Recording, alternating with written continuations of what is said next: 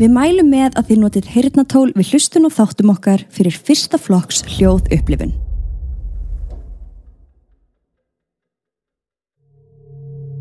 Við viljum minna á að þessir þættir eru alls ekki við hæfi barna.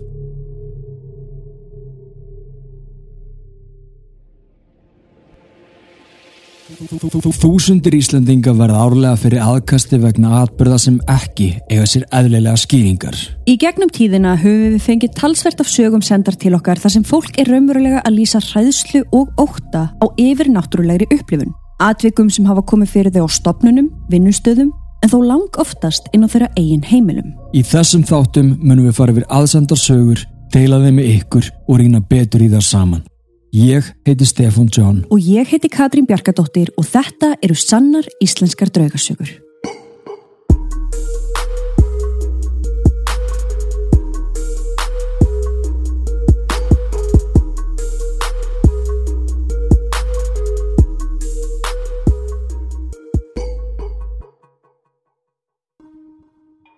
Komið þið sæl og blessuð elsku bestu áskrifundur. Þessi þáttur, hann er með aðeins öðruvísi sniði heldur en venilega og það er að því að hún Harpa Finnsdóttir, hún er heiðruð Í þessum þætti. í þessum þætti því hún á allar sögurnar. Hún á alla sögurnar og við gerðum þetta einhver tíman fyrir einhverjum vikum mánuðum síðan að þá sendi hún okkur einmitt bara svona sögupakka sem var bara einn þáttur sem við gerðum og hún var að senda okkur nýjan svona sögupakka bara fyrir nokkrum dögum síðan. Þannig að við ákvaðum að já, gefa henni annan þátt. Þetta er bara æðislegt að það sé heill þáttur frá sama einstaklingi núna í annað skipti. Og ég ætla að vona að það hveti fleiri til þess að senda inn sögur. Ég meina come on, ef að hún getur verið með tvo heila þætti þá getur saga þín alveg hljómað hérna með okkur Þannig að endilega senda okkur þína sögu á sannar.draugasögur.com En það er önnu tilkynning, núna 20. og 7. november að þá er ég að fara í svolítið svona stóra og mikla aðgerð sem er vonandi auka lífs, Gæðin þín, já já, lífsgæði mín. Þetta er stóra aðgerð og hérna já, pínu hættulega en, en allt í góðu en við þurfum að undirbúa okkur undir það og Og þess vegna til dæmis eru allir svona fríir þættir, þeir eru núna bara komnir í pásu, þú veist Mystic sem var frítt, draugasör, eitthvað svona, við erum engungu að einblýna á áskriftu þætti núna, mm en við sjáum samtalið fram á það að við höldum öllum okkar áskriftu þáttum uppi. Já, hafið engar áhyggjur Það þarf ekkert að hafa ágjör á því, þú veist, allir þættir, sannar íslenskar, Mystic, draugasör, áskriftu þættirnir, þeir verða á sínum stað. En ég er að fara í veikindarleifi 27. og það getur tekið mig 6-8 vikur að jafna mig Mhm. en ég veit samt alveg og þú veist það líka veist, ég er ekki að fara að liggja í rúminu Nei, alla þessa daga nei, nei, við mikið við getum ekki verið Nei. bæðið tvö og hérna þetta felur í sér kannski bara breytingar á upptökum og vinslu og þannig það gæti verið sko að það, en, en svo kannski bara á þetta eftir að ganga ótrúlega smurt við raunverulega bara vitum það ekki en við vildum allavega láta ykkur vita þessu veist, ef það kemur til þess að þú til dæmis þarst að taka upp þátt Já, einn, einn, þá Já. verður það bara þannig verður það og þannig. Hérna, en það verður allt á sínum stað og við erum bara grimt að vinna fram í tíman og vonandi verður allt bara alveg eins og það á að vera en mannstu samt sko fyrir tveim árum síðan held ég að Mhm. þá fór ég í aðgerð Akkurat, og já, hérna svo eftir ég kom heim ég man ekki hvað maður er á sterkum svona verkefliðum í einhverja Jú, jú. viku kannski eftir aðgerð. Mm nema svona á sjötta degi eða eitthvað þá segi ég við þig, já, ég við getum alveg tekið upp. Já, við getum alveg tekið upp en að þátt, þú veist, ég tek bara inn eina góða verketöflu og ég bara sest niður og við bara tökum upp. Alveg rétt. Þetta er vesti þáttur sem við höfum nokkuð tíman gefið út.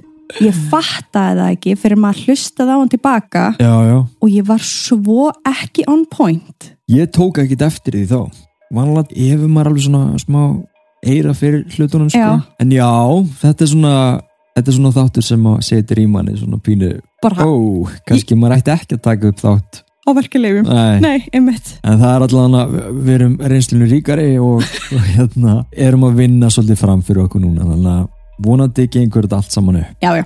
En eigum við, herðu, nóga spjalli, þetta er meira spjall heldur en vennilega. Já, herðu, það er ekki eftir neina að býða, vindum okkur bara í þetta. Eins og þú sagðir þessar sögur, alla sögurnar í dag koma frá Hörpu Finnsdóttur og hún byrjar svona. Sæl elsku Katrín og Steppi. Fátt tekið mér skemmtilegra en að skemmta öðrum með sögum af atbyrðum sem komið hafa fyrir í mínu lífi, hvort sem fólk trúir eða ekki. Og hlusta á upplifun annara sem hafa lendt í kringumstæðum eða atbyrðum sem eru óútskýranlegir. Ég hef alltaf verið mjög næmur einstaklingur frá barnæsku og þá á ég við að ég sé stundum alls konar mistur í kringum fólk og sé stundum drauga hér og þar. Ég heyri stundum í röttum og allavega hljóðum utan sem og innan hugans. Ég finn ánast daglega fyrir ímiskonar orku í kringum fólk og get lesið fólk til dröla mjög hratt þannig að það er erfitt að ljúa mér sem dæmi. Þar sem ég eru nutt meðferðar aðili að þá finn ég stundum fyrir verkjum hjá fólki og ímislegt annað og hef því reynd að passa mig á því að vera í góðum skóm, tiggja tiggjó og hlusta á pop-tónlist á meðan á meðferð stendur til þess að loka á þetta að því að sumt þarf ég ekki að vita. Ég tiltrúlega berdreimin, fæ stundum svör í draumi ef ég byðum það og þess aftar. En lendi því miður oft í svefn lömun líka sem ég óska ekki neinum að lenda í. Ég nota einnig verkværi mér til aðstöðar eins og pendula, tarotspil, spekla, rúnir og þess aftar. Ég get nokkurn veginn slögt á næmninni þegar við á og kveikt á henni þegar þessi þörf, en stundum virkar það bara alls ekki og þá er fjandin laus og yfirtekur alla mína orku. Ég tek það fram að ég hef og mun alltaf halda mér skeptískri að því að ég vil halda raunveruleikanum gangandi og ímyndunaraflinu á jörðinni. Ég gæti kalla mig nokkurs konar rannsakanda þegar þýðir að ég nota tæki og tól til að rannsaka yfirnáttúrulega hluti og hefur það í gegnum árin vakið mikinn áhuga hjá mér og forvitni. Spennandi. Ég hef áður sendt ykkur sögur og því tilvali bara að senda ykkur fleiri. Hlakka til að heyra þér. Kær kveðja, Harpa Finnstóttir. Saga 1. Pendúlin. Í mæ 2022 ákvaði ég að kaupa mér pendúl. Fyrir átti ég nokkra en mér langaði fleiri af því að pendúlar eru afar mikilvægt verkværi fyrir mig. Ég hafði verið búin að vera að dunda mér heil lengi við að búa til pendulum disk en á diskinum eru tákn sem ég setti þar fyrir pendulin sem hefur þó val um svör. Það var förstu dagur og svakalega gott veður, sól á lofti og nánast engin vindur þegar ég mæti í búðina en þanga hef ég komið áður og alltaf liðið svakalega vel um leið og í stíg yfir þröskuldin. Ég geng að pendulum standinum og er að skoða þá án þess þó að snerta við þeim til þess að fá tilfinningu um hvaða pendul ég á að kaupa. Í búðinni stendur ung ljósar stúlka á bakvið afgriðsluborðið og er að afgreða viðskiptafinn. Ég horfi þó nokkuð stíft á pendulana og spyr mér í huganum hvern á ég að velja og tek þá eftir því að aðeins einn þeirra byrjar að reyfast. Nú. Mm -hmm. Fær svona tilfinningu fyrir hvaða pendul ég á að kaupa. Já, áhugavert. Nefnum hvað, mér fannst hann ljótur og hann höfðaði alls ekki til mín og ég kvíslaði afarlátt en þó brosandi svo enginn myndi heyra ég er ekki að fara að kaupa þig. Þarna let ég hégóman ráða för. Ég snýri mig svo við og fór að skoða steina og aðra muni í glérborðið fyrir aftan mig og það hafa líklega liðið kannski um tvær mínutur þegar ég snýri mig svo aftur við eftir að hafa mist áhugan á glérborðinu og var litið á pendulum standin. En mér að óverum sá ég alla pendulana sem líklega voru um 10-12 talsins á töluverðir hreyfingu fram og aftur. Nú. Nema þessi sem ég hafi neitað um að kaupa. Hann var graf kyrr. Ok, þetta finnst mér áhugavert. Mm -hmm. Ég tek það fram að hurðin á búðinni var lokuð, mjög gott veður úti og engin vifta var í gangi. Nú gæti ég ekki hort fram hjá þessu og einhver hluta vegna leiti ég á afgriðslustúlkunar sem stóð föl í framann og starði á mig. Ég brosti til hennar og ákvaða að spyrja hana hver steinin væri af því að ég er ekkit rosalega mikið inn í orkusteinaspekinni nema um þá orkusteina sem ég átti nú þegar. Hún gengur til mín og er mjög uppveðruð af því sem hún hafði orðið vitni af. Hverju þá? Sem- pendulum? Já, hún sá þá líka reyfast. Þannig það var smá panik inn í búðinni þegar þær eru tvær það. Já, og hún sagði, fyrirgefðu en ég hef aldrei séð þetta áður og lítur á pendulum standin.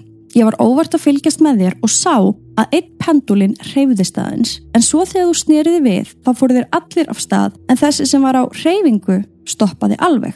Hún benti á pendulin sem var alveg grafkerur og meðan hini pendularnir voru enn á hreyfingu.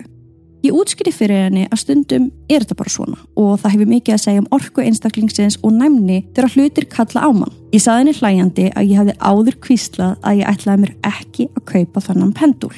Hún var mjög áhugasum og baði mig um að segja sér meira eftir að hún var búin að upplýsa mig um að þetta væri smoky quartz. Já, sem er svona tegund af kristall. Já, ég stóði afgriðsluborðið og greiti 3500 krónur af með minnir fyrir pendulin og við rættum aðeins saman. Það kom upp á krafsinu að hún og kærasti hennar voru að kljást við einhver öll í íbúðinni og sérstaklega í steganum upp á aðra hæð heima hjá þeim. Hún sagði þau skötu hjú vera tauga og styrki hvert skipti sem það væri að fara upp stegan og þess þá heldur voru kettinni þeirra tveir á sífældu varðbergi. Kampurinn á þeim stóð oftar en ekki upp í loftið og þeir kvæstu af og til. Annar þeirra hafði meiri segja tekið á rás af hæðslu vegna einhver sem hann líklega sá í steganum. Þannig að vera með draugasögu inn í draugasögu. Já, hjá þessari stelpu sem er að vinna það. Já. Hún segist oft hafa verið að nota sage til þess að hreinsa íbúðina og reynt ímislegt til þess að fjarlæga þar hann óbána gest. Ég hlustaði af aðtikli en bendinni svo á að sage er ekki alltaf svarið. Sage getur nefnilega líka snúist upp í andkverfi sína. Það eru bara personlega skoðanir og við verðum þær. Hún horfið hissa á mig. Hún var eiginlega bara, já, mjög, mjög hissa af því að þetta hafði hún aldrei heyrt áður. Ég ráðlaði henni nokkuð sem hefur yfirleitt virkað fyrir mig síðastlegin 40 pluss ár en sagði henni um leið að ef hún ætlaði sér að nýta það ráð að þá yrðum eða kærastenninnar að hafa bein í nefinu og brinja sjálfan sig með því að sína ekki neina hræðslu og að þetta þurfti að koma frá hjartanu þar að segja að hún þurfti virkilega að trúa því að hún eða þau hafi valdið. Sammála því. Ég líka. Ég tjáði henni einnig að stundum þarf að segja orðin aftur og aftur En oft er það svo að því oftar sem maður fer með orðin hver svo sem þau eru, þá eikst hugur ekki oftar en ekki. En það eru auðvitað persónabundið hvaða aðferði notuð og við hvaða aðstæður verið að vinna með. En mín aðferði svo að steita bara hnefanum og sína hver á valdið. Ok, ég meina þetta er eitthvað sem við höfum líka rálat fólki. Það er einmitt að hafa bara hátt um og sína ekki hræðslu, vera örugur og já, ákveðin í því að bóla hverju sem það er út. Og einmitt endurtekningin. Akkurat, að því stundum eru þessir andar bara eins og börn. Ég ráðurlagði henni þetta. Andaði djúft nokkru sinnum og trúði á hugreikið þitt. Farðu að steganum, réttu út dómirandi höndina og talaðu hátt, skýrt og öruglega út í andrúslafti Hlustaðu á allan þáttinn inn á Patreon appinu sem er frýtt. Þú skráir því áskrift inn á patreon.com skástrík sannar íslenskar og far nýjan þátt hálsmánaðalega af sönnum íslenskum draugasögum. Engin binding og þú far aðgang á öllu efninu strax við skráningu. Svo af hverju ekki að prófa? Ég meina, vilt ekki vita hvernig sagan endar?